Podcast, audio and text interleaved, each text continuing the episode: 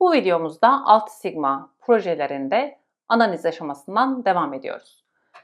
Videoda hipotez testlerinden bahsedeceğiz. T-test, oran testleri, test for equivariances, ANOVA analizi gibi analizlerden bahsedeceğiz ve bunları nasıl kurguladığımızdan, nasıl yorumladığımızdan bahsedeceğiz. Hadi başlayalım.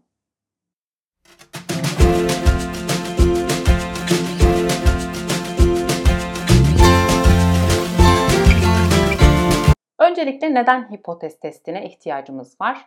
Çünkü biz popülasyonlar hakkında karar verebilmek için onun içerisinden küçük bir örnekle hareket ediyoruz. Bu nedenle hipotez testi kurup kurgulayıp bu hipotez testinin istatistik, istatistiksel P değerine bağlı olarak karar veriyoruz. Şimdi hipotez testini öncelikle nasıl oluşturduğumuza bakalım. H0 ve H alternatif diye iki tane hipotezimiz olacak. H0 bizim için yokluk hipotezi. Yani karşılaştırdığımız gruplar arasında fark yoktur diyeceğiz. Vardiyalar arasında fark yoktur, operatörler arasında fark yoktur, günler ya da mevsimler arasında fark yoktur diyeceğiz hatamızın çıkma ihtimali açısından. Ekranda da göreceğiniz gibi H0 benim için fark yoktur durumu. P değeri eğer 0.05'ten küçükse H0'ı reddediyorum. Yani iki grup arasında fark vardır diyorum. Vardiyalar arasında fark vardır diyorum. Bu bana gelecek dönemde ne için e, faydalı olacak? Gelecekte yapacağımız deney tasarımında ben şunu söyleyebileceğim. Benim vardiyalarım arasında fark yok ya da operatörler, makineler arasında fark var ya da fark yok.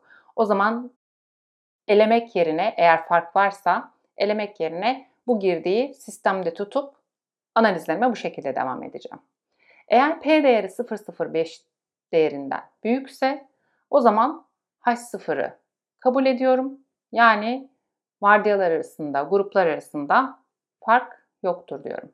Bu benim için e, pratik dile dökersek ne anlama geliyor? Gruplar arasında fark görmek için yeterli verim yok. Eğer farklı olduğunu düşündüğümüz noktalar varsa, bu sonuç bize güvenilir gelmiyorsa örnek büyüklüğünü büyütüp bu şekilde de analizlerimize devam edebiliriz. Şimdi hipotez testini anladığımıza göre değişken veri ve nitel veriden bahsetmiştik ölçüm sistem analizini yaparken 3. adımda.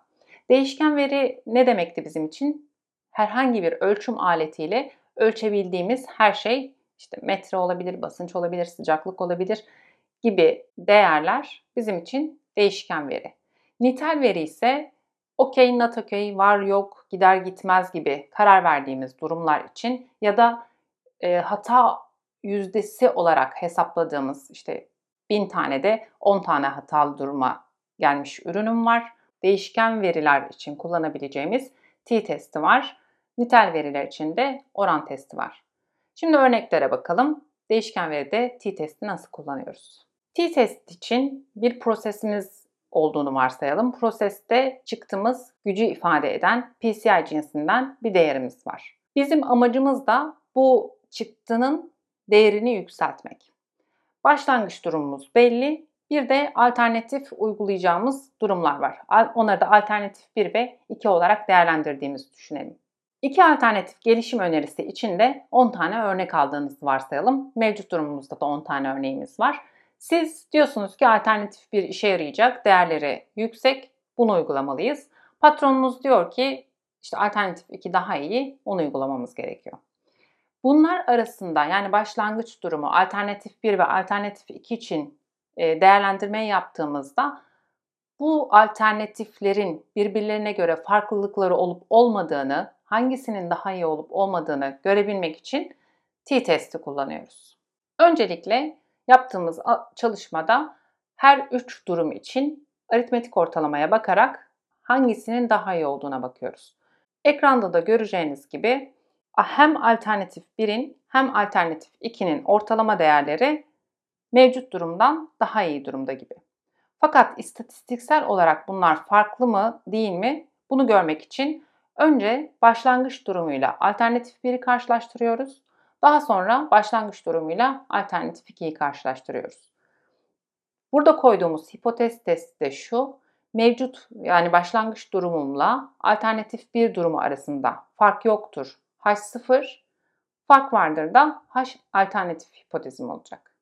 Minitab'den değişken veri için t-testini uyguladığımızda ekranda gördüğümüz sonucu alıyoruz.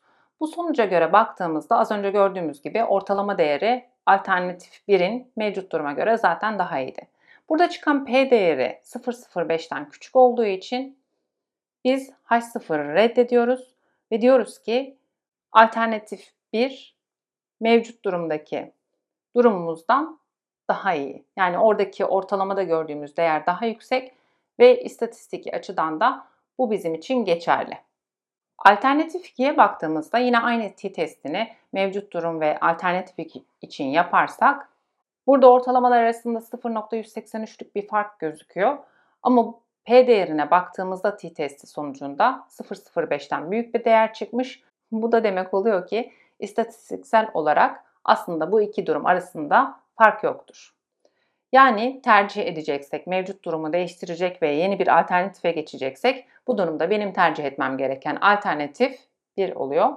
Siz haklı çıktınız. T-test ile alternatifler arasında ortalamayı tutturma açısından fark var mı yok mu bunu test ettik. Bu durumda alternatif 1 öne çıktı. Bir de değişkenlik kısmına bakıyoruz. Yani normal dağılım eğrisini şöyle düşünürsek ortalamayı yakalamak açısından fark var mı yok mu buna baktık. Bir de yayılımı test etmemiz gerekiyor. Yani değişkenlik, standart sapmalar açısından iki sistemi değerlendirdiğimizde birbirleri arasında fark var mı yok mu buna bakacağız. Bunu yaparken de test for equal variances'ı kullanıyoruz. Yine aynı şekilde mevcut durumla alternatif 1'i, mevcut durumla alternatif 2'yi karşılaştırarak yapacağız. Yine ekranda gördüğümüz değerlere bakarsak, alternatif 1 ile mevcut durumu karşılaştırdığımızda P değeri 0.05'in üstünde çıkmış. Bu durumda diyorum ki ben mevcut durumla alternatif bir durumu arasında değişkenlik açısından fark yok. Aynı şekilde bu ekranda gördüğümüz box plot diyagramına da bakarsak mevcut durumun box plotu daha alt değerler arasında gidip gelmiş değişkenlik açısından. Box plot diyagramımızla ilgili olan videomuza bakmak isterseniz açıklamalar kısmında yer alıyor. Başlangıcın değişkenlikleri ve alternatifin değişkenlikleri arasında fark yoktur diyoruz. Aynı şekilde mevcut durumla alternatif 2'yi karşılaştırırsak Test for Acute Variances kısmında P değeri 0.05'in altında kalmış. Bu durumda ben diyorum ki mevcut durum ile alternatif arasında değişkenlik vardır. Yine aynı şekilde box plot diyagramına bakarsak mevcut durumdaki değişkenliğimin alternatif 2 durumundaki değişkenliğe göre daha çok arttığını görebiliriz. Mevcut durumda daha dar bir alanda gidip geliyorum. Diğer alternatif 2'de ise daha geniş bir alanda gidip geliyorum. Evet ortalamada baktığınızda diğer e, birinci durumun yani mevcut durumun daha üstünde bir ortalama değer sağlıyorum. Fakat değişkenliğim daha yüksek olduğu için daha alt değerlere de inme ihtimalim var. Bu da şunu gösteriyor aslında. Ben her zaman yüksek değer elde edemeyebilirim. Alternatif 2'ye geçersek. Yine aynı şekilde hem ortalamalara hem değişkenliğe baktığımızda alternatif 1 seçilecek alternatif gibi gözüküyor. Nitel veri için orantı testine bakarsak. Burada da yine bir örnek üzerinden ilerleyelim. Bir rakibimiz var ve rakibimizin hata oranı %1. Biz kendi prosesimizin çok daha iyi olduğunu düşünüyoruz. %1'den daha iyi bir performans hedefiyle çalışıyoruz. Ve bunu da piyasaya ilan etmek istiyorum. Ben e, şu hata oranıyla çalışıyorum ya da hata oranını söylemeden ben X rakibinden daha iyi, daha kaliteli ürünler ortaya koyabiliyorum. 2800 parça ürettik. 23 tane hatalı çıktı. Burada baktığımızda %0.82'lik bir hata oranı gözüküyor. %1 ile karşılaştırıldığında daha iyi bir performans sergilemişim gibi gözüküyor. Fakat istatistiki açıdan ben bunu beyan edebilir miyim? Gerçekten değerler arasında bu kadar fark var mı? Buna bakabilmek için orantı testini kullanıyorum. Orantı testinde ekranda göreceğiniz gibi P değeri 0.05'ten büyük çıkmış. Bu durumda rakibimle benim aramda istatistiksel olarak bir fark yoktur diyorum. Yani onların %1 performans gösterdiği durumda ben %0.82 performans göstermişim hata oranı açısından. Ama istatistiksel olarak benim dağılacağım aralığı da düşünerek güvenilir bulmuyor sistem. Eğer bu %0.82 değerinden eminsem örnek büyüklüğünü arttırarak yani 2800 adette 23 adet hatalı üretim yapmıştım. Daha fazla, daha büyük e, adetlerde hata oranı nedir? Bunlara bakarak yine aynı testi tekrarlayabilirim. Şimdi o duruma bakalım. 11.800 adet üretim içerisinden 97 adet hatalı durum var. Bu durumda P değerine baktığımızda 0.05'in altında çıkıyor. Bu da artık ben rakibimden daha iyi durumdayım, daha iyi performans sergiliyorum diyebilirim. Burada hata oranına baktığınızda aslında değişen bir şey yok. Yine %0.82 olarak gerçekleşmiş. Ancak örneklem büyüklüğünü arttırdığımda sistemin daha güvenilir hale geldiğini görerek P değeri farklılaşıyor. Yine ekranda göreceğiniz bu %95 yüzde değeri içerisinde benim hata oranımın hangi aralıkta gidip geldiğini gösteriyor. %0.006671, diğeri 0.010019. Maksimum ve minimum hangi aralıkta gezineceğimi bu değerlerden de görebiliyoruz. Dolayısıyla artık gönül rahatlığıyla ben rakiplerimden daha iyiyim diyebilirim, ilan edebilirim. Yine grupları karşılaştırabileceğimiz bir diğer test ki kare testi. Burada da ki kare testinin avantajı çok daha fazla sayıda grubu birbirleriyle karşılaştırabiliyorsunuz. Şimdi biz ne yapmaya çalıştık? Mevcutla alternatif 1'i, mevcutla alternatif 2'yi karşılaştırmaya çalıştık. Mevcudu, alternatif 1'i, alternatif 2'yi karşılaştırabileceğimiz özellikle orantı testi açısından değerlendirdiğinizde buna muadil olarak kullanabileceğimiz bir araç. Ki kare testi ile ilgili olarak da yine geçmişte olan videolarımıza ulaşabilirsiniz. Linkleri aşağıda.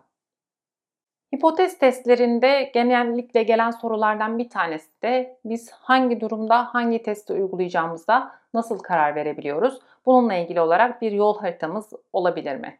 Bununla ilgili olarak kullanabileceğiniz birazdan ekranda göreceksiniz bir aslında sıralama var. Bu sıralamaya bakarsak bir değişken veri bir de nitel veri yollarımız var. Değişken veri kısmında varyans testi ve ortalama testleri yapıyoruz. Bu varyans testi ve e, ortalama testlerinin yapacağımız durumlarla ilgili işte ortalama değerler için t-test ve ANOVA değer testini yapabiliriz. Varyans testleri için de test for equivariances kullanabiliriz. Nitel veri için orantı testleri bizim az önce gördüğümüz tek örnekli orantı testiydi. Tek örnekli orantı testi, çift örnekli orantı testi ve iki kare testlerini kullanabiliriz.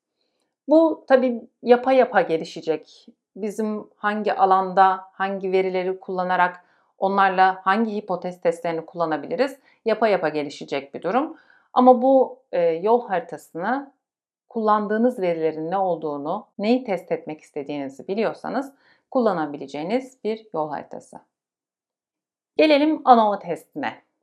Birçok faktörün ortalamaları arasında fark var mı yok mu bunu tespit etmek için yaptığımız bir şey. ANOVA testini yapabilmek için öncelikle grupların normal dağılıma sahip olduğundan emin olmamız gerekiyor. İlk şartımız bu. Daha sonra grupları birbirleriyle karşılaştırabiliyoruz. Şimdi örnek üzerinden ilerlersek. 4 tane bölge düşünelim. Bu 4 tane bölgedeki çalışanlar saat başına çalıştığı ortalama dava sayısı tabloda gösterilmiş. Buna göre Bölgeler arasında farklılık var mı? Hangi bölgede saat başı çalıştığı dava sayısı açısından bakarsak daha verimli, daha performanslı gözüküyor? Buna ANOVA ile nasıl karar verebiliriz? Öncelikle ANOVA testine geçmeden Main Effects Plus yaparak e, bir grafik üzerinde aslında bölgeler arasında fark var mı yok mu kısmına bakabiliriz. Ama tabii ki bu bizim için istatistiksel bir araç değil. Yani burada çıkardığımız sonucu evet bu anlamlıdır. Biz bölge 3'ü seçelim en iyi performanslı bölge olarak diyemiyoruz. Daha sonra dedik ki ANOVA testini yapabilmek için grupların normal dağılıma sahip olması lazım. Her bölgeyi yani 4 bölgeyi de normal dağılıma uyup uymadığını test ediyoruz. Burada baktığımız örnekte hepsi normal dağılıma uygun çıkmış. O halde testimize geçebiliriz. Şimdi ANOVA testini yapabilmek için gerekliliklerden bir tanesi de varyansların eşit olması. Yani değişkenliklerin eşit olması.